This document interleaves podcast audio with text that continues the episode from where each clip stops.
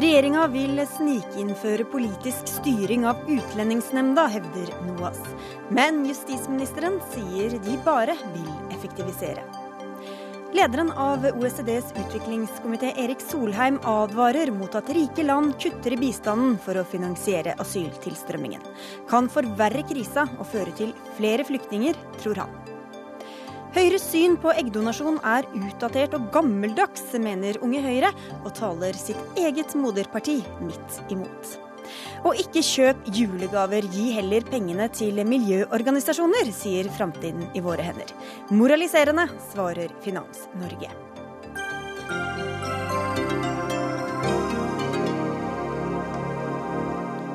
Og det er overskriftene på noen av sakene i ukas siste Dagsnytt 18 på NRK P2 og NRK2 med Sigrid Solund i studio. I dag la regjeringa fram forslag til endringer i utlendingsloven for å møte den nye asylsituasjonen. Forslag som får blandet mottakelse. De går bl.a. ut på at flere kommer til å bli stanset ved russergrensa enn før, uten å få søknadene sine ordentlig behandlet, og at regjeringa ønsker å instruere Utlendingsnemnda UNE, som er klageorganet i utlendingssaker. For å begynne med det siste, Mari Seilskjær, du er rådgiver i NOAS, Norsk, Norsk organisasjon for asylsøkere, og dere steiler over forslaget om eh, mer politisk kontroll over UNE. Hvorfor det? Nei, Det som er mest provoserende med det som kom i dag, er jo at en later som dette er et tiltak som skal Altså som er ment å håndtere den situasjonen i Finnmark med økt antall asylsøkere. Eh, men i realiteten så er det jo en kjempestor omlegging av utlendingsforvaltninga. Det er den, den største endringa i norsk asylforvaltning siden man oppretta Utlendingsnemnda. Hvorfor det? Eller hva er det som er så dramatisk? Det er jo at, at nå får eh, regjeringa mulighet til å instruere klageorganet. Eh, og Utlendingsnemnda er oppretta som et domstolslignende organ. Eh, det er et uavhengig forvaltningsorgan. Eh, og Formålet med å opprette det var jo å sikre en, en reell toinstansbehandling eh, fra et, et, uavhengig organ.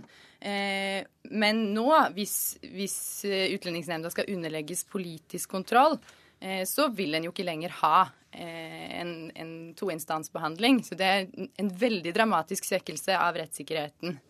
Vi skal høre med deg, justisminister Anders Anundsen, du er med på telefon. Hva sier du til påstandingen om forsøk på politisk styring av UNE? Ja, det er ingen tvil om at uh, formålet med denne endringen er at vi i større grad skal kunne instruere om uh, skjønnsutøvelse og rammene for uh, lovtolkning også i UNE. Ehm, det er formålet med dette. I dag så eh, kan vi instruere UDI, som er den laveste, eller den første instansen for asylbehandling, mens vi ikke kan gjøre det samme eh, for UNE. Og Det skaper jo selvfølgelig mindre politisk styring over eh, hvem som skal få asyl. Jeg tror det er viktig at også NOAS erkjenner at vi nå befinner oss i en helt ekstraordinær situasjon. Vi har altså en asyltilstrømning i Norge nå på en 200, ehm, eller 2500 oppimot eh, i, i måneden. Eh, nei, unnskyld, i uka. Og det er ganske dramatisk. Og det er nødvendig å innføre helt spesielle tiltak for å håndtere den situasjonen. Men dette er vel også tiltak som skal gjelde i en tilnærmet normal situasjon. Og hva er da poenget med et klageorgan som får de samme instruksene som den instansen som har fattet avgjørelsen de skal klages på? Nå datt du litt ut for meg, så jeg hørte ikke helt hva du sa på slutten der. Nei, Jeg sa at dette er vel også no, en, en, instruks som skal gjelde i, eh, i, normalsituasjoner. Og da får jo altså klageorganet de samme instruksene som de som har fattet beslutningen det klages på, ja, har fått. Hvordan, hvordan det blir det da en reell klagemulighet? Det er en reell klagemulighet, for det vil jo ikke være noen uh, instruksjon i enkeltsaker. Dette handler bare om Eh, den, eh, de generelle retningslinjene som vi kan instruere om. De enkelte sakene vil være uavhengig behandla i både UDI og også i UNE. Men det som er utfordringen i dag, er at hvis f.eks. myndighetene instruerer UDI fordi myndighetene mener at Russland er et trygt tredjeland, så vil vi komme i en situasjon hvor UNE, hvor UNE kan overprøve det i etterkant og legge til grunn en annen vurdering av eh, Russland som trygt tredjeland. Det endres nå hvis lov, dette lovforslaget går igjen. Og de går jo altså ikke inn i enkeltsaker, Selskjær? Nei, men det er jo nettopp i disse tilfellene hvor det er nødvendig å, å få en, en, ny vurdering. Eh, for Utlendingsnemnda skal jo se på hva er situasjonen i disse ulike landene. Det er fagorganene som skal vurdere de faktiske forholdene. Det er ikke regjeringa som skal eh, kunne si hvor er situasjonen farlig nok til at mennesker skal gis beskyttelse. Men skal ikke regjeringa kunne, si, kunne, gi retningslinjer da, for de, hvor de mener at, eh, at folk skal kunne søke om opphold fra? Politikerne skal styre gjennom eh, lov og forskrift.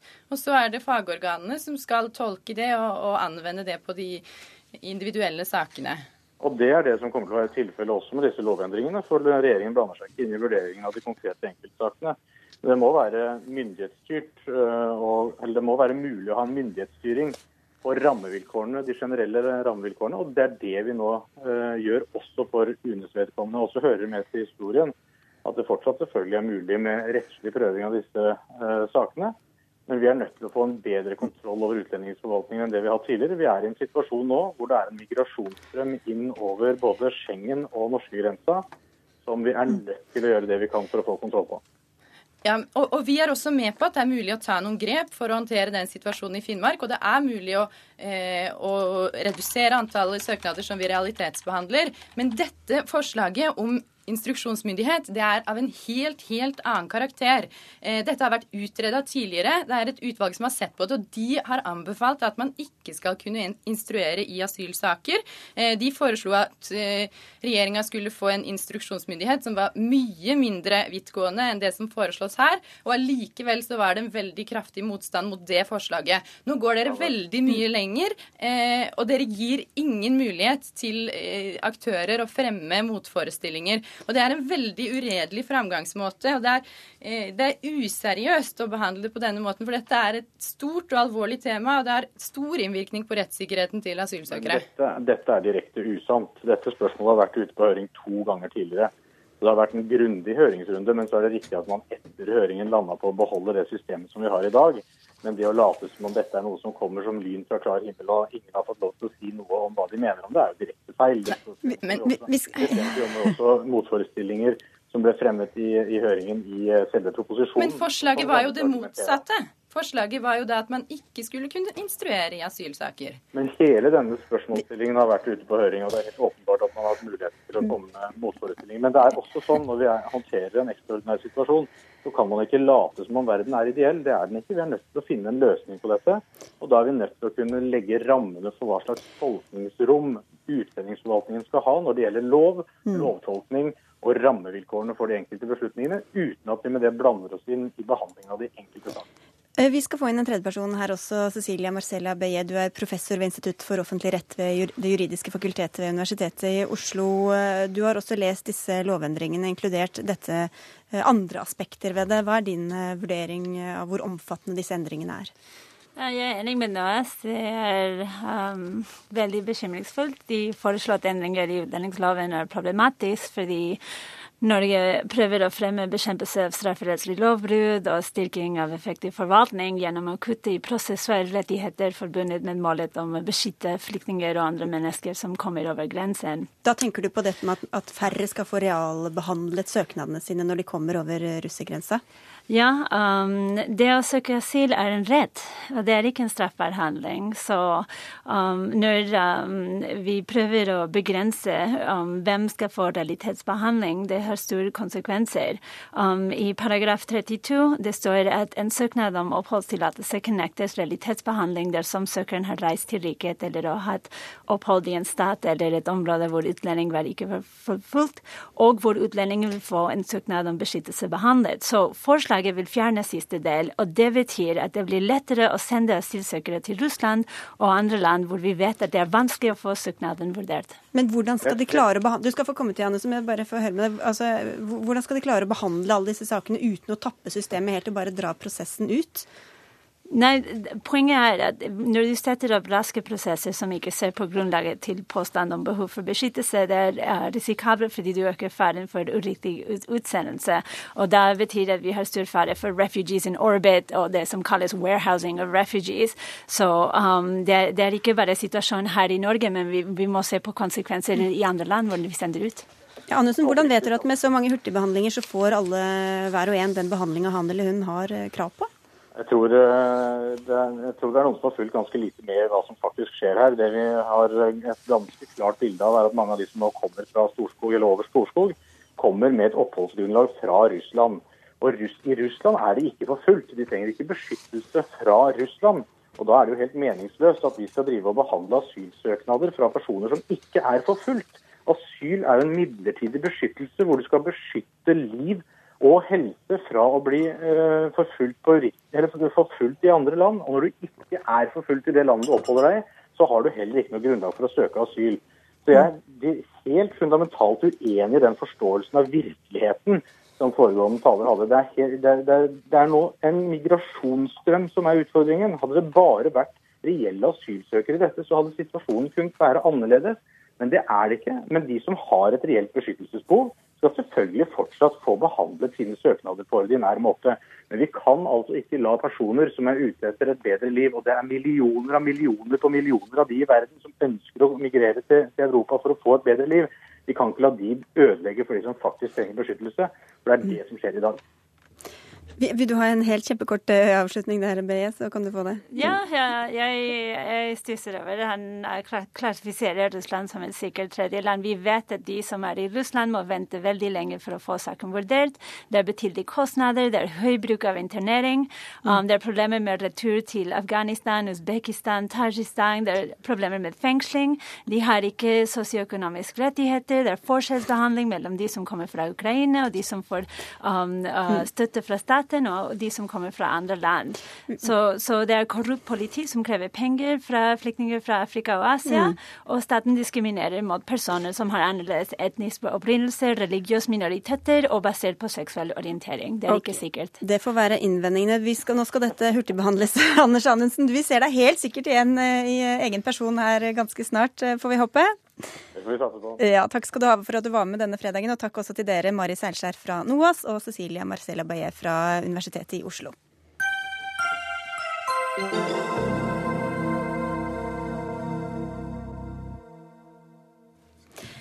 Det er ikke bare her hjemme at debatten om grenser og innstramminger pågår. I hele Europa snakkes det om dette. Vi skal straks avlegge et par av landene et besøk. Men først, Erik Oddvar Eriksen, du er leder ved Arena, senter for europaforskning. Hvordan er viljen til å finne en felles løsning i Europa nå?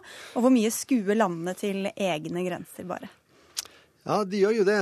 Og det er klart, i, på, i, i, i østblokk, tidligere østblokklandene så er det jo en sånn litt sånn inngrodd motvilje mot å ta, å ta inn noen og, og, gjøre noe med det her. Og i Vest-Europa er det jo mange land som har fremmedfiendtlige partier som presser regjeringa hele tida og prøver å og, og, og, få stemmer på det, og fiske stemmer på denne situasjonen her. Så, så det er vanskelig å få, å, å, å få ting til.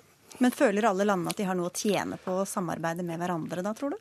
Ja, alle roper jo på felleseuropeiske løsninger, så alle peker jo til EU og til de institusjonene som er på plass, at de må, få, de må gjøre noe. Og så på andre sida så boikotter de det som EU får til veldig ofte, og ikke vil hjelpe til. Så det er noe dobbeltkommunikasjon ute og går her. Mm, mm. Og et av landene som har mildt sagt anstrengt forhold til dette, er jo Storbritannia, hvor de har vært veldig restriktive. Espen Aas, du er korrespondent der. Eh, og fått kritikk også, men da i et litt annet eh, klima, kanskje, da, da, dette var oppe før sommeren. Hva er dommen over den britiske restriktive linja nå? Ja, Nå ser jo Storbritannia at mange begynner å følge deres eksempel. De sa jo tvert nei sammen med Irland og Danmark eh, bl.a. til denne dugnaden hvor over å ta inn flyktninger, og sa tvert at uh, nei, vi kommer ikke til å ta inn noen av de som er i Europa. Det eneste det fører til, er enda flere farefulle ferder over Middelhavet. Og som kjent så har jo de valgt da en løsning hvor de flyr inn flyktninger fra leire rundt Syria, blant annet. Men det har jo selvfølgelig vært mye debatt, fordi EU e har vel sjelden sprikt så mye som nettopp i denne saken, hvor en mengde land har valgt helt forskjellige løsninger. Noen har hatt en slags åpen dør-politikk som nå har blitt til en mer lukket dørspolitikk. Andre har vært restriktive fra starten, og så har vi hatt en rekke andre uh, mellomløsninger. Og Hvor fornøyde er de internt i Storbritannia med den linja som eh, ledelsen der har lagt seg på nå? Ja, Det er selvfølgelig debatt her også, men etter hvert som man ser at det er så mange andre enn eh, nødvendigvis de flyktningene med størst hjelpebehov som eh, kommer inn over grenser i, i mange europeiske land, så er man jo fornøyd med denne ordningen. Nå er jo Storbritannia heller ikke et Schengen-land, og Storbritannia er jo også en øy, sånn at det er jo mye lettere lettere å uh, kontrollere uh, den eventuelle strømmen, hvis det er et riktig ord å bruke, av flyktninger og migranter. Men de ser jo nå også at det er store endringer på gang i flere europeiske land, som jo til å begynne med uh, hadde en veldig åpen dørspolitikk. Og ikke minst det som har skjedd i Sverige de siste dagene, har jo mm. også fått mye oppmerksomhet i, i mediene her. Ja, Eriksen, Storbritannias holdning, hvordan spiller det inn på EUs handlingsrom her? Ja, altså, England har jo, eller Storbritannia har jo bestandig vært utafor. Altså, halvt inne og halvt ute, og de er jo ikke med i Schengen. så, så så, så, som så, mm. sådan så er det jo ikke så vanskelig å forstå deres rolle her. Men det, de, ja, de, har, de, er vanskelige, de har ikke bidratt til felles løsninger. Og egentlig så tjener jo de også ganske godt på, på Schengen. Altså, hvem, hvem, skulle vokte grensene til over Calais hvis ikke Frankrike gjør det? Så, så her er det mange, mange ting ute, ute og går. Mm. Mm. Eh, motsatsen, for å si det sånn, til Storbritannia har jo vært Tyskland-korrespondent Guri Nordstrøm eh, i Berlin. Hva gjør Tyskland nå? Ja, eh, også her i Tyskland så har man nå i høst vedtatt en ny asyllov, hvor målet er nettopp å stramme inn eh, innvandringen. Og Konkret så går den ut på at alle landene på Vest-Balkan blir sett på som trygge land å sende folk tilbake til, slik at man blir kvitt denne søkergruppa. En annen ting man har gjort her, er at de asylsøkerne som er her, ikke lenger får utbetalt månedslønn.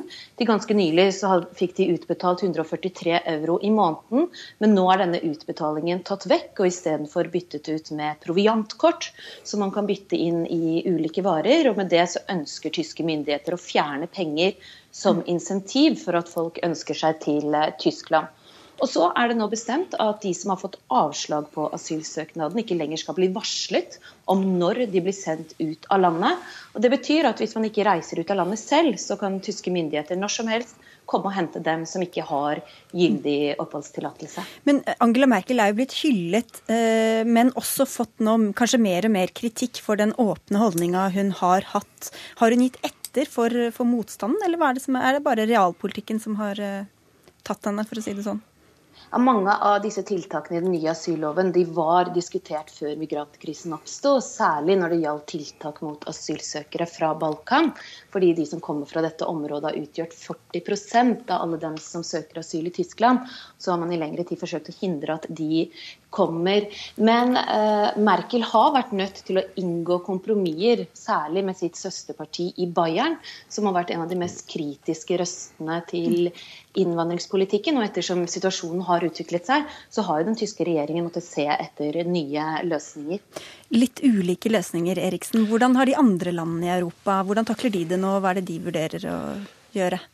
Ja, altså, de ja, altså De prøver jo ikke å gjøre så mye, det er vel det som er poenget. Å prøve å skyve, skyve, tingene over på andre. Men det er klart Tyskland har stått fram her som en stor stormakt i dette spørsmålet og har gjort det masse. Vi skal huske på at det er nærmere en det kan komme 800 000 til, til Tyskland i år. Altså, sånn at det er noe, rett og slett fysiske begrensninger med å ta inn så mye folk over så, så kort tid. Og det samme med, med, med Sverige. altså Hvis de regner med 190 000 i år, så er det alvorlige mengder med, med folk. Og, og, og altså, det er jo helt forståelig at, at det er kapasitetsproblemer og at noe, noe må gjøres. Så jeg er ikke så med på den derre holdninga der at, at, at, de har snudd fullstendig. og sånn. Altså, det er praktiske problemer, og de må håndteres. og Det er klart det, så det er ikke bare å skylde på, på Sverigedemokraterna at de får vind i seilene, eller at Pediga og sånne og anti-immigrasjonspartier sånn vokser fram, og at de får makta. Men det er også et, et, et, logistikkproblem, og det er et praktisk problem å håndtere ting. Og det de har sagt her med Schengen og sånt, det er jo at de setter på, på, på vent. altså at de at de vil gjerne ha det på, på, på plass og til å mm. fungere, men for å klare å håndtere disse tingene nå, så må vi gjøre sånn. Så, så vi vet ikke helt. Dommen trenger vi ikke å felle ennå.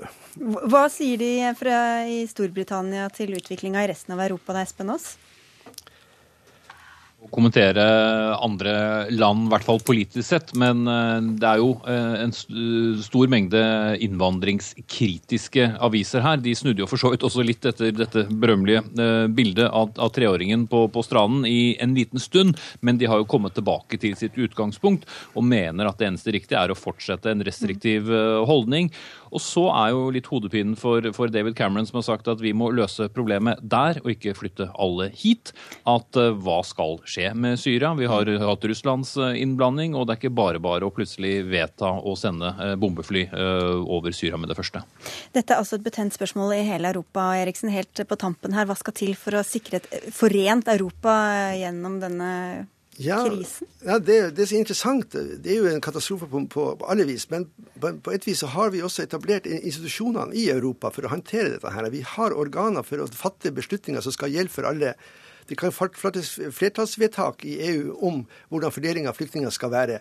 Så institusjonene er der. Vi har asyl, vi har asylinstituttet, vi har Schengen. Problemet er at statene systematisk ikke ville overført nok kompetanse, nok makt til EU, og heller ikke nok ressurser til at de kunne få opprettholde det her og håndheve det her og få en, en, en rettferdig, altså en bindende politikk som hjalp for alle. Jeg tror faktisk det ville ha løst, løst ganske mange av disse, av disse tingene som er oppe nå. Men, men den, eh, den, dugnaden som, og fordelinga som ja. de var inne på, står den fortsatt ved lag, eller? Ja, ja men dugnaden, altså det er jo sånn at du er sånn, sånn etisk forpliktelse at tydelige borgere skal, skal gjøre det her. Han blir oppfordra at sivilsamfunnet skal gjøre noe. Men altså, det å få et, slags rettslig bindende tiltak her, og si at nå tar vi, fordeler vi disse byrdene, dere får så mange flyktninger, vi tar så mange, og så gjelder det for alle, og så blir det håndheva likt og sånn, da, da, da, er det mye større sannsynlighet for at ting blir gjort. Mm. Men, men, det er også andre, andre land som eh, altså andre land som ja. du sa sitter stille i båten, ja, ja. Eh, båten nå. Frankrike. Frankrike. Hva, hva, gjør de da? De har redd National Front. Men det så Front National. Men mm. problemet er også det at en god del av flyktningene nå ser ut for at de, de, velger oss. De vet også hvor de vil. De er ikke så enkle å flytte på som man, som man trodde. Altså, de, de, har til, prøvd å få folk til å dra til Luxembourg. Nei. Det har vært satt opp, ting, eh, satt opp tog eh, for å få dem til, til, til, Frankrike. Nei. De vil til Tyskland, de vil til Frankrike. De vil til vennligsinnede land. Og, og, og, det er interessant. Mm. Eh, tusen takk skal du ha for at du var med i eh, Dagsnytt 18, eh, Erik Oddvar eh, Eriksen. Og takk også til Espen Aas og Guri Nordstrøm.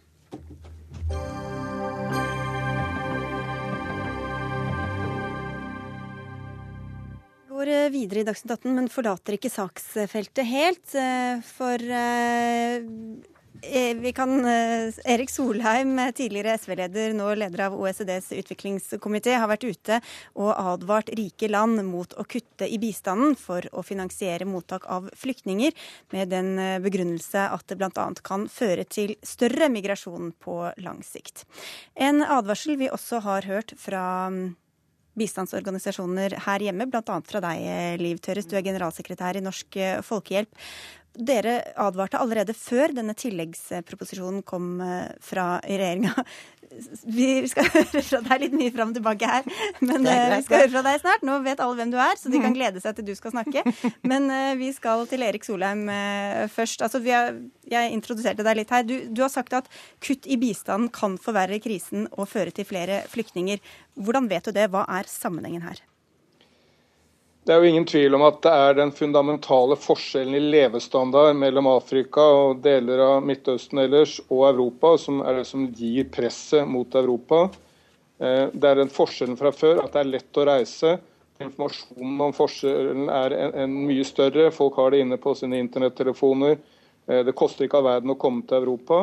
Så presset på Europa vil nesten sikkert fortsette i så lang tid vi kan se framover, hvis vi ikke bidrar til og, og minske forskjellen i levestandard mellom Afrika og Europa. Og det må vi minske gjennom flere investeringer, bedre politikk og gjennom mer bistand, ikke mindre bistand. Det er jo OECDs egne regler som gir landene muligheten til å bruke bistandspenger på flyktninger eller asylsøkere her hjemme, og få det godskrevet som bistand, sånn som du da indirekte hva skal vi si, kritiserer norske og andre regjeringer for å gjøre nå? Absolutt, det er ingen tvil om at det er lov til å gjøre det, men det er mange ting i verden det er lov til å gjøre som det ikke er klokt å gjøre. Men hvordan kan du vite at konsekvensen av mindre bistand bl.a. er flere flyktninger? Når vi ikke engang vet nødvendigvis at bistanden fungerer til det den skal fungere til? Vi vet veldig godt at bistand fungerer og har bidratt dramatisk til den forbedrede levestandarden vi ser. Vi ser også at de landene hvor det er rask økonomisk framgang og stort håp, de produserer ikke flyktninger som ønsker å komme til Europa. Det er f.eks. veldig få som eh, kommer til Europa nå fra Etiopia. Det er et land med 10% økonomisk vekst hvert år. Litt som Norge var under Gerhardsen. Alle vet at uh, man får det bedre neste år enn vi har det i år. Og vi vet at uh, våre barn og barnebarn vil få det mye bedre enn oss selv. Uh, motstykket er selvfølgelig et land som Syria, hvor mange har vært utenfor landet i mange år, har lite håp om å komme tilbake og lite håp om forbedring. Det er klart at Da vil presset på Europa bli mye større. Vi vet at det er forskjellen levestandard som driver folk til å reise. Det er jo ingen som i utgangspunktet ønsker å reise fra, fra noe sted. De aller fleste mennesker ønsker å bli på sitt hjemsted. Men når levestandarden er kanskje ti ganger bedre i Europa enn den er i Afrika, og man vet at ens barn og barnebarn vil få mye større håp der, eh, så vil folk ønske å komme. Men vi kan ikke ta imot alle. Det er helt naivt. Det vil oversvømme Europa på en måte ingen av oss ønsker. Derfor, nettopp derfor må vi hjelpe folk med å forbedre levestandarden der de er. Du har jo sittet i regjering selv og vet hvor vanskelig det er å prioritere. Og ett sted må jo faktisk pengene til denne asylstrømmingen tas fra. Om ikke fra bistand, så skole, pensjoner, helse, barnehage, andre gode formål. Hvor, hvor anbefaler du OECD å kutte i stedet for, da? Jeg kan ikke blande meg inn i hjemlig norsk partidebatt eh, når jeg er eh, i OECD. Alle vet at det er mange steder å kutte i Norge, og det er skatteendringer som man kan gjøre. Men det vil være galt av meg å blande meg inn i dette. Det er derfor vi har ulike partier. Derfor vi har Høyre, Frp, Arbeiderpartiet, KrF og eh, De Grønne og andre. De må, må ta vare på det. Mm. Bare det jeg kan si at Det er galt å gjøre dette mot verdens fattige. De trenger pengene. Men det er også, vi skyter også oss selv i foten hvis vi ønsker eh, å få eh, færre flyktninger til Europa. Så må vi bidra til bedre levestandard der. Her har jo Fremskrittspartiet av alle hatt et godt poeng men at vi må hjelpe mm. folk der de er. Da vil færre komme til Europa. Det er akkurat det jeg sier også. Vi må hjelpe folk til å få bedre eh, liv i Afrika. Da vil færre over tid komme til Europa. Det vil ikke ha noen umiddelbar eh, effekt, helt klart ikke. Men over tid vil det ha mm. stor effekt. Takk skal du ha, Erik Solheim, eh, i denne omgang. Du ønsker som sagt ikke å bidra til noen debatt, men Nils August Andresen, du er redaktør i Minerva. Har han et poeng i at det er kontraproduktivt å kutte på lang sikt? Altså, forskningsbelegget for sammenhengen mellom bistand og migrasjon er veldig mye mindre tydelig enn det Solheim gir inntrykk av her. Eh, det er heller ikke nødvendigvis sånn at rask økonomisk vekst fører til mindre migrasjon. Det kommer an på veldig mange andre ting. Dette, dette er det forsket mye på. Og i noen grad er det sånn at når forholdene blir litt bedre, så blir det mer migrasjon fordi mulighetene for det blir større. Det motsatte eksempelet av Gerhardsen vil jo være Norge på slutten av 1800-tallet, med rask økonomisk vekst og veldig høy utvandring til USA. Men det er åpenbart at uh, pengene må tas fra et sted, og han sier han ikke vil blande seg inn i den, inn i den hjemlige debatten. Forstå. Det kan man forstå, men det, der ser man jo på en måte problemet. Altså, mange sier sånn ja, man burde gi mindre skattelette. OECD sa for et par år siden at Norge burde fjerne formuesskatten. Så bare som et eksempel, OECD sier mange forskjellige ting, og det er ikke alltid at vi kan måte, følge alle anbefalingene på en gang. Uh, og uansett hva vi kutter, så vil noen bli rasende. Liv Tørres, nå skal du få lov å snakke, generalsekretær i Norsk Folkehjelp. Hvordan vet vi, eh, eller hvem har rett da, for å si det sånn, av Erik Solheim og Nils August Andresen? Nei, altså, Jeg har vært uenig med Erik Solheim ganske mye de siste årene, men, men her er han spot on og har helt rett, mener jeg. Altså, det er eh, man kan gjerne bruke statistikk fra slutten av 1800-tallet og norske eksemplene fra den gang for å belegge teser om, om, migrasjon. Men forskning sier han at eh, det er mye forskning Jo, men hvis vi ser Altså, den, den, er, den sier uh, veldig motstridende ting. Hvis vi ser på de ankomstene som kommer hit i Norge nå, så har du store grupper med syrere, du har store grupper med eritreere f.eks. Dette er grupper som får innvilget asyl i Norge Nesten alle sammen, fordi at alle vet at de har behov for beskyttelse. Så vi vet at det er noen klare årsakssammenhenger. Menneskerettigheter, mangel på det, betyr mye. Men syrerne kommer ikke fordi vi har kuttet bistanden til uh, Syria? Nei, men poenget her er jo at hvis vi hadde investert mer midler i bistand og humanitær hjelp i Syria og nabolandene, så hadde det vært mindre push og årsaker til mm. at de beveget seg til Europa. Jeg er enig at vi burde eh, bidra mer i nærområdene til Syria, som er en, en, krisesituasjon. Men bistandsbudsjettet er altså på over 30 milliarder kroner og gjør veldig veldig mye annet. og Det er ikke alle mottakerne av bistand som er like store produsenter av, av eh, migranter. Jeg, det er selvfølgelig riktig at hvis et land blir veldig rike, går gjennom en transformasjon, blir moderne, vellykkede, stabile land, så vil det bli mindre migrasjon. Men hvis vi snakker om sammenhengen på kort og mellomlang sikt mellom bistand og, og uh, migrasjon, så er den ikke så klar. Og det vet alle som leser den forskningen. Hvorfor skal vi se på det på kort og mellomlang sikt? Hvorfor kan vi ikke se på det på lang sikt? Det vil gjerne se på det på lang sikt også, men vi er nødt til å finne en ny måte å ordne hele innvandringssystemet på, hele asylsystemet på. Og og nå står vi overfor en akutt situasjon som vil vare noen år. altså Det tar lang tid, og 20 år, 30 år, å liksom gjøre den transformasjonen. Vi er nødt til å ha noen andre typer prioriteringer i mellomtiden.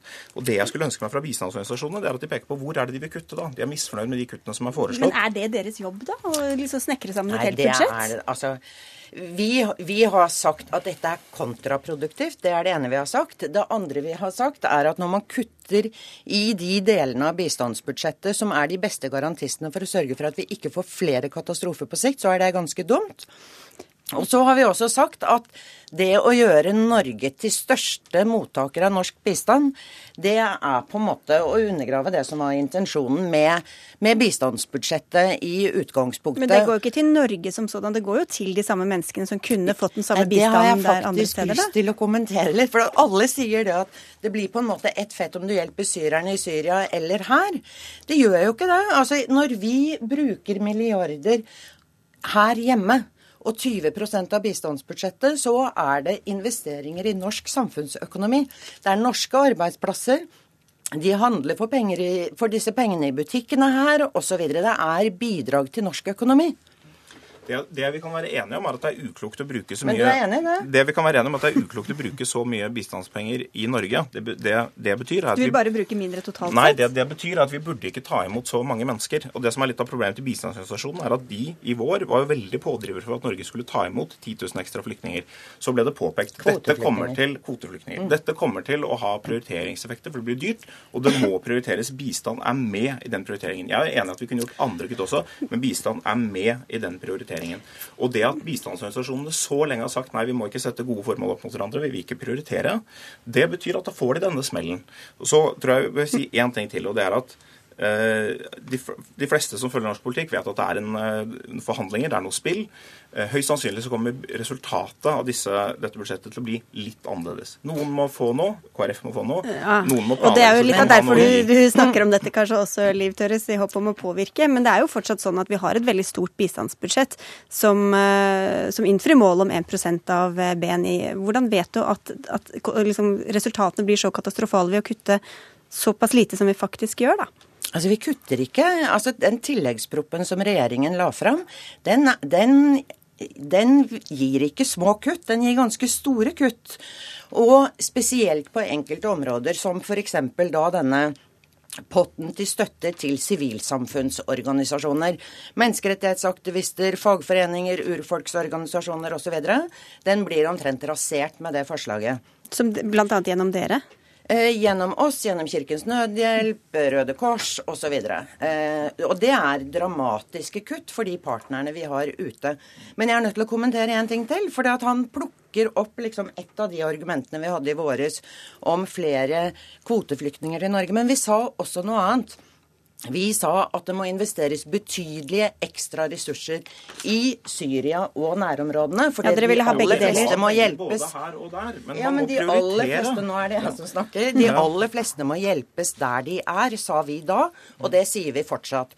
Nå kuttes budsjettene på en måte som gjør dette kontraproduktivt og kommer til å skape større krise på sikt. Jeg tror bistandsorganisasjonene hadde hatt veldig godt av å prøve å skjønne norsk politikk bedre. Og skjønne at til slutt så blir det sånn at man kan ikke Vi kan være uenige. Det betyr ikke at vi ikke skjønner nå, okay, man kan ikke få en pose og sekk hver gang. Ja.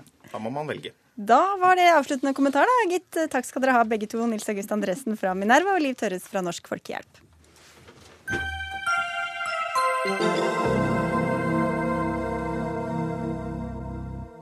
Vi trenger mer fornybar energi, det er så å si alle enige. Men er vindmølleparker til havs framtida? Det mener i hvert fall Storbritannia, Danmark og Tyskland, som ligger foran i utviklinga. Nå vil Norge komme etter, bl.a. gjennom en eh, mulig utbygging av en stor vindmøllepark på Siragrunnen i sjøområdet mellom Rogaland og Vest-Agder. Men Dette møter motstand, bl.a. fra dere i Naturvernforbundet, der du er generalsekretær Maren Esmark. Du har skrevet i Stavanger Aftenblad at et verre sted for et vindkraftanlegg enn Siragrunnen finnes knapt i Norge. Hvorfor det? Det er fordi at uh, akkurat utafor uh, ved Siragrunnen, som er et veldig grunt og flott område, der går nesten alt som er av både sjøfugl, landfugl og rovfugler i Norge.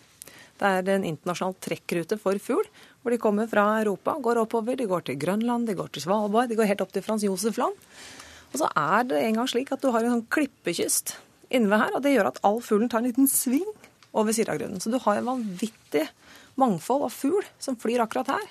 Og det er dessverre et av de verste områdene man kunne tenke seg å bygge en vindpark. Men flere forskere sier jo at fuglene klarer å fly utenom. Det har de ingen bevis for. Og det lille som er gjort av konsekvensutredning for dette prosjektet, er veldig minimalt. Og det er gjort bare noen få måneder eh, og bare et lite år, og det er bare gjort på dagen. Og her trekker det fugl hele året, døgnet rundt. 266 forskjellige arter fugl er påvist i dette området. Det er altså ikke bare dere, men også WWF, Samarbeidet for biologisk mangfold, Norske turistforening, Norsk ornitologisk forening, som er imot dette forslaget. Dere er for. Eh, Marius Holm, du er leder i Zero. Hvorfor lander dere på et helt annet standpunkt? Det er fordi at dette prosjektet er eh, viktig av to grunner. For det første så er det det viktigste tiltaket for å bli kvitt fossil kraftproduksjon i Nordsjøregionen, det er offshore vind. Og De neste årene skal det bygges 5000 eh, offshore vindmøller i Nordsjøregionen for å erstatte kullkraft i Danmark, Tyskland og, og, og England. Og det, vi, det, er en dugnad som vi kan være med på, og som vi kan få muligheter og, og nye arbeidsplasser ved å være med på. Så ren energi er verdt noen døde fugler? Altså, Klimaendringer truer natur i større grad enn det vindmøller gjør. Eh, det som er realiteten med Siragrunnen, er jo at eh, NVE har vurdert konsekvensene for fugl til å være moderate og ikke så alvorlige at det gir noe grunnlag for å si nei til konsesjon. Eh, vi har erfaringer med vindkraft i regionen fra før. Da man bygde ut Lista vindpark, så var de samme organisasjonene mot og hadde de samme argumentene. Men etter noen års drift så ser vi at fuglene faktisk ikke blir påvirka av vindturbinene. Mm. Så det, Vi vet jo at det er mye fugl i dette området, men det vi også vet, er at de fuglene i liten grad påvirkes av denne typen vindparker. Det er helt feil. Det har du faktisk ikke noe grunnlag for å si. All forskning viser at eh, fugler påvirkes av vindmøller. Og noe av problemet her er jo at det ikke er et ordentlig havvindanlegg. Det hadde vært mye bedre om dette anlegget lå lengre ut. Da ville du ikke fått den samme type konflikt. Men her sånn så har du det veldig nære land. Og det gjør at for fuglen så er fjellene i bakgrunnen det store landskapselementet som de styrer etter, og ikke vindmøllene lenger ute på havet, så vil vindmøllene være veldig synlige. Og da vil det være lettere for fuglene å komme seg unna, og de unnviker vindmøllene. Men sånn er det ikke på Siragrunnen. Fordi du har så svære fjell i bakgrunnen. for Det vil bli mye kollisjoner, viser forskning. Og den beste måten å unngå kollisjoner, det er å sørge for å ha en plassering utenfor trekkveiene. Vi, skal, vi har vært i kontakt med utbyggeren Havgull. De vil ikke stille i Dagsnytt 18 i dag. Men vi har med deg, Siri Kalvik. Du er meteorolog, og du har tatt doktorgrad på havvind. Det er vel grunn til å tro at du er positiv til, til denne utbygginga? Ja, altså jeg, jeg skrev et debattinnlegg i Dagens Næringsliv nå nettopp hvor jeg snakket om uh, Siragrunnen. Og utgangspunktet mitt for å gjøre det er at jeg har nylig holdt på med en doktorgrad om nettopp offshore havvind, og, og, det har jo gjort at jeg har en innsikt i den industrien. Og jeg ser jo at det, det er et kjempesatsingsområde på verdensbasis, eh, og Norge henger ikke med. Eh, og så tenker jeg òg, eh, akkurat som Marius Holm, eh, for meg er det klimaendringene som er det viktigste, eller det skumleste. Og så tenker jeg òg at alle store infrastrukturprosjekter har noen negative konsekvenser for miljøet, men energi, det må vi ha. Og jeg tror at det å satse på havvind er, er, veldig bra, både for klima og ikke minst for Eh, industrialisering i fornybar energi i Norge. For vi mangler altså et hjemmemarked, og det er et kjempeproblem for oss. Ja, Marius Holm, du var så vidt innom det i stad. Hvordan mener du fornybarsatsinga ville vært i Norge hvis bare Naturvernforbundet fikk bestemme? Altså, Naturvernforbundet har vært imot eh, alle vindkraftkonsesjoner som er bygd på land. Og de har eh, vært imot eh, de fleste vannkraftutbyggingene som eh, Norge har basert kraftforsyningen sin på. Så hvis Naturvernforbundet hadde fått styre energipolitikken, så ville Norge måttet bygge en stor mengde kull- eller gasskraftverk for å dekke energibehovet vårt. Og nå, nå står vi i den situasjonen at mange land rundt oss har jo nettopp basert kraftforsyningen på kull og gass. Nå, nå gjør man noe med det. Nå eh, skaper vi nye konsepter for fornybar energi som kan konkurrere ut eh, kull og gass. Det som er interessant med Siragrund-prosjektet, er at man skal teste ut en helt ny måte å bygge offshore vind på. Det som er dyrt med offshore vind, er jo at det er så vanskelig å installere ting ute på havet. Det man har valgt å gjøre her, er at man skal bygge dette på land ved kaia, og så skal man slepe det ut og senke det ned. Det vil kunne senke kostnadene og gjøre offshore vind konkurransedyktig og billigere enn kull. Men dere er altså imot alt eh, fra Naturvernforbundets side, skjønner vi, Esmark? Det er lov å ha to tanker i hodet samtidig. Ja, vi skal ha mer fornybar energi, men den skal bygges ut eh, skånsomt. Hvor lang tid tar det da? Du, vet du hva, det går ganske fort, heldigvis. Eh, men det som er viktig her, er å huske på at når du bygger ut fornybar energi, så skal det gjøres mest mulig skånsomt. Og du, du redder ikke verken klima eller naturen ved å ødelegge mer av sjøfuglbestandene. De internasjonale sjøfuglbestandene har gått ned med 70 de siste 50 år. Hvis du bygger ut Siragrunnen, så risikerer du å få skader på bestandene, ikke bare i Norge, men også internasjonalt. Og også sjøfuglene har et problem pga. klimaendringer. Det blir mindre mat i havet, det blir mindre fisk. Så du gjør hele satsinga på havvind i Norge en bjørnetjeneste ved å ta det verste området først. Men Siri Kalvik, Marisson var inne på arbeidsplasser her. Du bor jo i en region som har opplevd eh, stor arbeidsledighet de siste årene. Hvor viktig er dette for å få i gang det grønne skiftet som alle snakker om? Jeg tror det er kjempeviktig. Nå sitter jeg jo inne her fra studio i Stavanger, og Stavanger har jo opplevd en veldig økende arbeidsledighet, og hele regionen er jo prega av eh, prisen, prisfallet på oljen. og alle snakker om at vi skal, det tror jeg alle er enige om, at vi skal bruke kunnskapen vår, den eh, utrolig gode hva skulle du si, marine og offshore-kompetansen vi har her i landet, til fornybare næringer. Det er til og med vi har Det skjer faktisk ganske mye innenfor forskning i Norge. Eh, ja, i alle fall 600, kanskje 700 eh, millioner kroner er nå brukt de siste årene på å få opp eh, kompetansen på offshore vind. Men, men, så skjer det på en måte ingenting operasjonelt. Og så ser jeg jo at det, det skyter fart ellers i Europa, og vi henger ikke med. Mm. Og jeg tror det Altså det blir ja, i beste fall naivt å tenke at vi skal klare oss å være med på dette uten å ha et hjemmemarked. Så det er på en måte det jeg tenker med Det haster nå, og, og her har vi en gyllen sjanse. Det er to mot én her, Maren Esmark. Du får få avslutte. Altså 600 arbeidsplasser er det Multiconsult har beregnet at dette prosjektet alene vil gi. Hvordan skal vi få i stand dette grønne skiftet som alle vil ha, uten å vende tommelen opp til sånne prosjekter? Det grønne skiftet skal vi få til, men det skal vi ikke gjøre på bekostning av sjøfugl og Hvor vil dere ha den utbyggingen, da? Du, den vil vi ha lenger ut, ikke så nære kysten og ikke på Siragrunnen. Men da blir det mye dyrere, da? Det kan nok tenkes at det blir det. Men det er ikke sånn at du skal velge den billigste og dårligste løsningen på havvind. Vi får avslutte der og si tusen takk. Nå skal dette opp til, eh, til Olje- og energidepartementet, som skal ta stilling til dette. Så får vi se hvor de eh, ender. Takk skal dere ha, alle tre.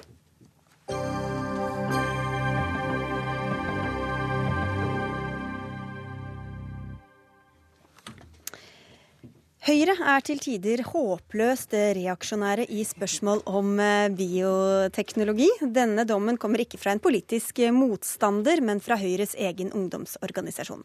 Høyre ønsker ikke å endre bioteknologiloven for å tillate eggdonasjon, og bruker en argumentasjon som du angriper i en kronikk på NRK Ytring. Kristian Tonning Grise, du er leder av eh, Unge Høyre. Hva er det som er reaksjonært ved Høyres syn på denne saken? Nei, altså det, Jeg syns Høyres argumentasjon tyder på en litt sånn utdatert uh, syn på, på altså kjønnsceller og, og, foreldreskap. Og Det jeg ikke helt klarer å få begrep om, er hvorfor kjennskap til uh, genetisk uh, mor skal være så veldig mye viktigere enn kjennskap til genetisk far. Altså All den tid vi har åpnet for sæddonasjon, og på en måte ikke syns at det er et etisk problemstilling der, så mener jeg at hvis man da skal være mot eggdonasjon, så må man jo stille seg spørsmålet hva er det da ved eggdonasjon som gjør det mer uetisk enn sæddonasjon. Og Der syns jeg egentlig at det ikke har eh, kommet opp med Det har kommet noen gode argumenter på hvorfor det skulle stille seg i en, i en etisk eh, særstilling. Og da aner jeg meg at det kanskje er mer en litt sånn der ryggmargsrefleks, hvor man er imot alle nyvinninger innen bioteknologi, som er eh, som er årsaken, mer enn at man har kommet fram til et, etter mitt syn, da, gyldig etisk argument. Håpløst reaksjonære, Tone Trøen. Du er helsepolitisk talskvinne for Høyre. Er dere det? Nei, for meg eh, er dette et verdikonservativt eh, standpunkt. Men jeg har lyst til å berømme Unge Høyre for å invitere oss til debatt og ta debatten. For det er en, det er en anerkjent krevende diskusjon, og det er et etisk dilemma for veldig mange. Men det var, det var din argumentasjon som fikk han til å skrive, skrive denne kronikken? Ja. Jeg mener jo det er en vesentlig forskjell på sæddonasjon og eggdonasjon. Uh, ved sæddonasjon så er genetisk og, og, biologisk far det samme. man kan selvfølgelig ha Man har en genetisk og en sosial far. Kan man ha ved sæddonasjon. Men ved eggdonasjon så oppstår det jo noe nytt. Altså det er en genetisk mor, en biologisk mor. Man kan jo også ha en tredje morsrolle, som er da den sosiale moren. Og det er en stor forskjell. Det er jo, et, det er jo med, det er en medisinsk prosedyre knytta til eggdonasjon. Altså det, at det, er, det at det er forskjell på sæddonasjon og eggdonasjon, det er det vanskelig å være enig, uenig i. Jeg tror nok at alle menn kan nok bekrefte det at det å donere sæd er ikke en spesielt komplisert eh, øvelse. så det er klart at det er, Men det gir jo ikke noe svar på om det er uetisk eller ikke. og Det er der jeg syns at eh, Høyre gjør det litt enkelt for deg selv, for de må jo spørre seg selv, følge opp og stille spørsmålet hvorfor er dette så problematisk. Og det at uh, sosial mor får muligheten til å bære fram, uh, bære fram det barnet som hun tross alt skal uh, oppdra. Så jeg skjønner ikke hvorfor det skulle være så veldig annerledes enn at et barn vokser opp med en annen sosial far enn sin genetiske far. Nei, for Nå var det, det litt det praktiske du var inne på, men dette etiske, prinsipielle som Tonning Riise etterlyser, hva er begrunnelsen da? Jo, og jeg tror noe av dette vil vi jo kunne få svar på om mange år, når vi spør disse barna som blir unnfanget ved uh, nye metoder. For det er jo dette som er den etiske diskusjonen, eller det etiske dilemmaet for mange. Uh, det er jo at vi åpner nye dører Eh, og fra tidenes morgen, bortsett fra de som er født i dag ved eggdonasjon Men hva er forskjellen da på sæddonasjon og eggdonasjon? Jo, altså, den eneste forskjellen er jo at du bare har egg med Det var deg jeg stilte det spørsmålet egentlig altså, fordi det er jo også en ny situasjon å vokse opp med en, en eh, sæddonor til far. Hva er forskjellen da prinsipielt mellom eggdonasjon og sæddonasjon? Ja, det, det prinsipielle er jo at det er en stor forskjell på egg- og sæddonasjon. Og, e, og eggdonasjon er både eh, medisinsk inngripende. Altså det, det, du tar eh, et egg, befrukter et egg fra en kvinne og setter det inn i en annen kvinne som føder barnet. Eh, det har ikke naturen lagt til rette for fra starten av. Så dette er en ny metode å produsere barn på. Men jeg har ja, lyst til Men kan jeg si en også, altså Fra naturens side så er det hvis du er steril, så skal du ikke få barn i det hele tatt. Men, eh, så da må man jo være mot kunstig befruktning også. Nei, men forskjellen er jo allikevel at sæden er Det er én far. Det er en genetisk far på, eh, som er sæddonor. Men jeg har lyst til å si én ting, og det er litt viktig i disse debattene. Det finnes ikke et ja eller et nei her. Altså, det er jo det som preger et etisk dilemma. Og det er viktig å ha respekt, for denne debatten kan også være ganske krevende for de familiene som har barn som er unnfanget ved eggdonasjon Jeg skjønner du vil ikke støte noen uh, Nei, det er jeg opptatt av. Ja, det. Men, men, men bare til noe som du hengte deg litt opp i, som hun sa i en debatt i Politisk kvarter, nemlig at enhver befruktning er en sæddonasjon. Du tolker det som en Freudian slip, men det er jo ikke det, egentlig. for hun argumenterte men for det, samme. Det, det, er jo litt sånn der, det er på en måte sant, mannen som kommer og, liksom, og generøst og gir sæd, og så er det på en måte kvinnen som takknemlig tar imot. Men jeg, jeg, jeg tenker jo litt mer at det, her er det jo vitterlig to likestilte parter som donerer hver sine kjønnsceller, som sammen blir til et barn. Og så har jo naturen skrudd oss sammen slik at det er kvinnen som er utstyrt med, med livmor og eggstokker, og det får vi ikke gjort så mye med. Men hvorfor det skulle være så mye verre å ikke ha kjennskap til genetisk mor enn å ikke ha kjennskap til genetisk far, det syns jeg stadig ikke at man har kommet egentlig med noe, noe godt svar på. Altså man har jo adopsjon også. Da vokser du opp med to foreldre som er en annen enn dine genetiske foreldre. Så jo, altså Foreldreskap er jo, noe, er jo noe mer enn genetikk. Men hvorfor det skulle være et problem at du får muligheten til å, å bære frem eh, et barn som du skal oppdra selv, men som da har DNA fra en annen eh, kvinne. Jeg kan ikke si at det skulle være så veldig annerledes enn at du har DNA fra en annen mann. Jo, men Det viktige spørsmålet her er jo hvilken metode skal samfunnet åpne opp for, for at, uh, for at kvinner som ikke uh, egentlig eller barnløse som ikke kan få barn, da, skal få barn. Det er jo det som er den viktige debatten her. Hvilken metode skal vi åpne opp for? Og adopsjon er jo noe helt annet. Adopsjon, der er barnet født. Det er et barn som trenger omsorg, trenger en familie. Det er noe helt annet enn disse spørsmålene. Ja, og, Eggdonasjon er jo den eneste måten en kvinne som har eh, defekte eggstokker, med en fungerende livmor, kan få et barn sammen med eh, genene til, til sin partner. Eh, og da må man komme opp, syns jeg, med et godt argument for hvorfor det skulle være så veldig mye verre enn at man kan vokse opp med en annen eh, med, Hvis du har eh, hvor, der hvor mannen er steril, og du kan få en sæddonor, og så vokser du opp med en annen sosial far enn den som er din genetiske far. Jeg syns stadig at egentlig at, at uh, Høyre unnviker litt, at du unnviker litt å svare på det. Det virker kanskje som det er litt sånn mangel på egentlig et gjennomtenkt etisk argument for det som er Høyres ståsted. og Da mener jeg at hvis ikke man kan komme med et godt svar på hvorfor dette er mer uetisk, så bør man kanskje endre standpunkt. Men tidligere så har man jo, altså Argumentene mot eggdonasjon har egentlig hatt ganske mange lag. Eh, tidligere så var man opptatt også av at det å eh, gå gjennom en hormonbehandling for å donere et egg er, var ganske krevende. Nå er det en nå er det enklere. Nå, nå det så, eh, er det ikke så vanskelig for kvinner å gjøre det. Um, og, uh, men det man da egentlig kommer uh, inn til, er jo kjernen av dette her. Skal vi tillate uh, at vi åpner opp for at den som føder et barn, ikke lenger er barnets genetiske mor?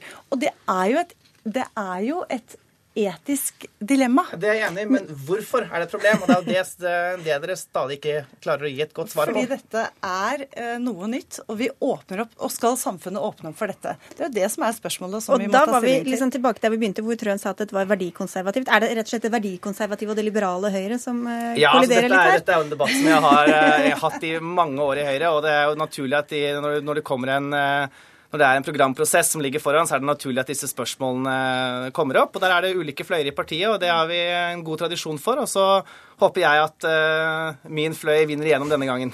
Og så får vi si hjertelig tusen takk for at dere tok den interne Høyre-debatten her i Dagsnytt 18. Det er ikke så, ofte vi får den. Kristian eh, Tone Grise og Tone Trøen, takk skal dere ha.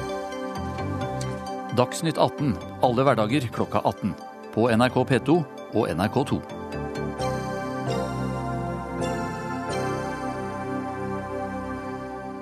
Hvis du er virkelig god til å planlegge, har du kanskje julegaven i hus allerede. Alle vi andre får med oss en formaning før vi eventuelt skal haste rundt i butikkene mens tusenlappene flyr.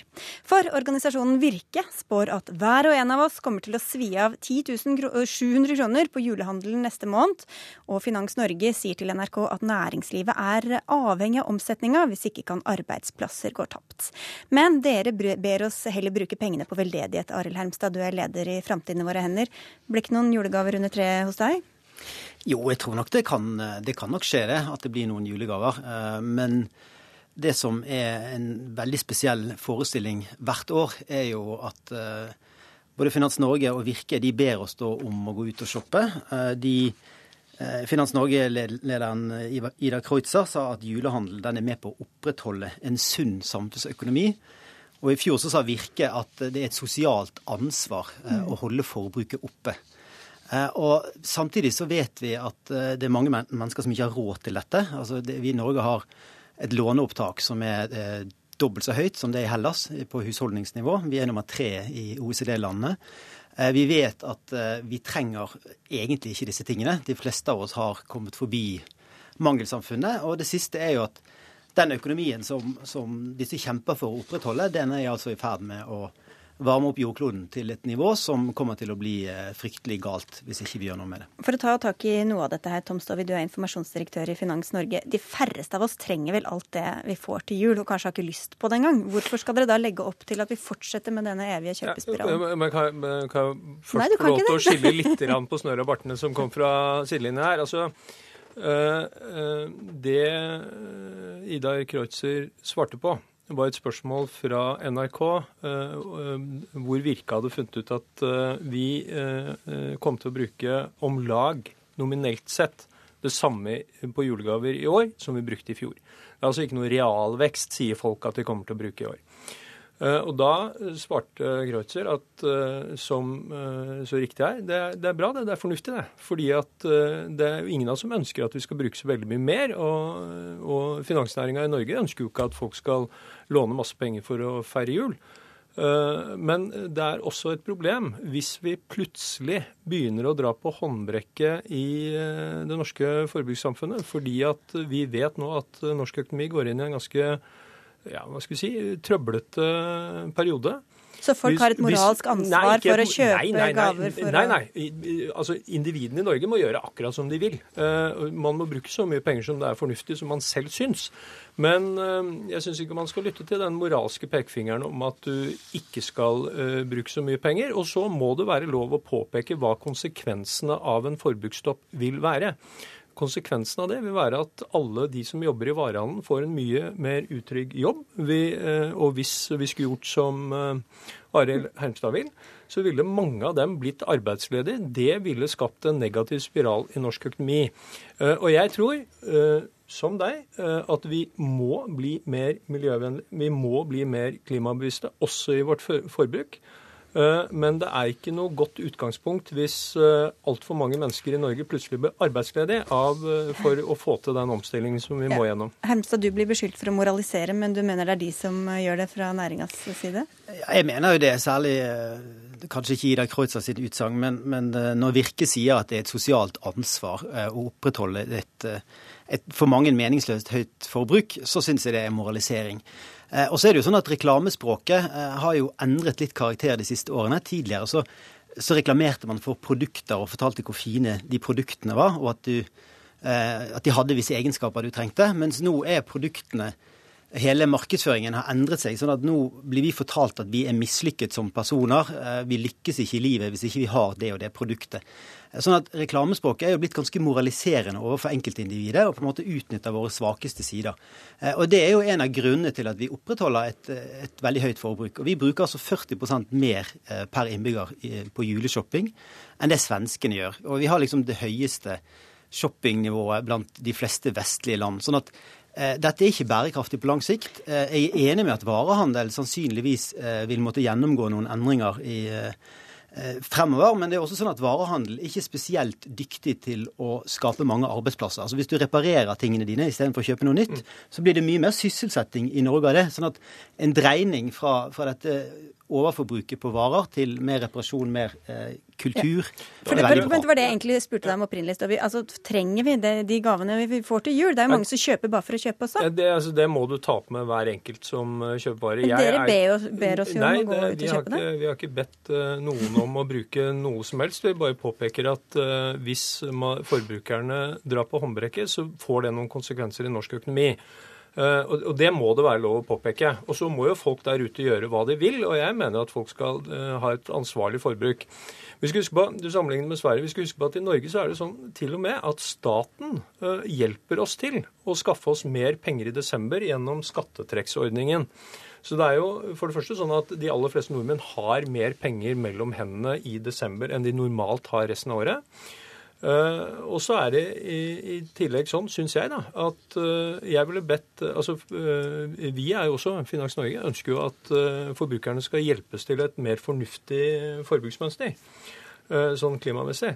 Sånn at uh, Jeg ville jo ønsket at du hadde gått ut og, og, hjulpet forbrukerne, gitt dem noe informasjon. Hvilke varer bør man kjøpe? Hvilket ja. fotavtrykk er dette hvis jeg gjør det? Hvilket fotavtrykk er dette hvis jeg gjør dette? Det... For jeg tror, ikke, jeg, jeg tror, ikke, forslaget ditt om at istedenfor å gi dattera di en dukke, så bør hun heller sette inn noen penger på kontoen til fremtiden i våre hender, er noe som skaper veldig mye glede under de norske trær. da. Nei, Jeg vet om noen som hadde vært litt misfornøyd da, hvis det var det du fikk eh, Jo da, men, men hvis, hvis de fleste av oss går og rydder på loftet, så finner man uendelig antall både dukker og bamser eh, og ting som man faktisk ikke ante at man hadde. Sånn at vi har jo egentlig altfor mange ting. Vi ser også før jul så er det noen bransjer som er spesielt avhengige av denne juleomsetningen. Eh, og det er tilfeldigvis eh, altså både gullsmedbransje, leketøy. Det er bransjer som ofte er avhengig av å selge produkter som kanskje vi ikke trenger fullt så mange av som Hva det vi har. Hva skal vi gi, da? Altså jeg, For det første så kan man slappe helt av. Altså Man trenger ikke å, å, å løpe til butikken og gi vekk noe til alle. Man kan, man kan gi vekk tjenester, man kan gi vekk man kan gå sammen med folk. Altså vi, det kommer veldig mange råd fra oss når det nærmer seg jul. Men det man må være klar over er at veldig mange mennesker er nå ikke så interessert i all denne shoppingen. Så det fins trender i samfunnet som går en annen vei, og det må varehandel innstille seg på. Vi er nødt til å avslutte. Sara Victoria Rygg, Guri Finnsveen og Sigrid Solund ønsker god helg. Takk skal dere ha. Bye.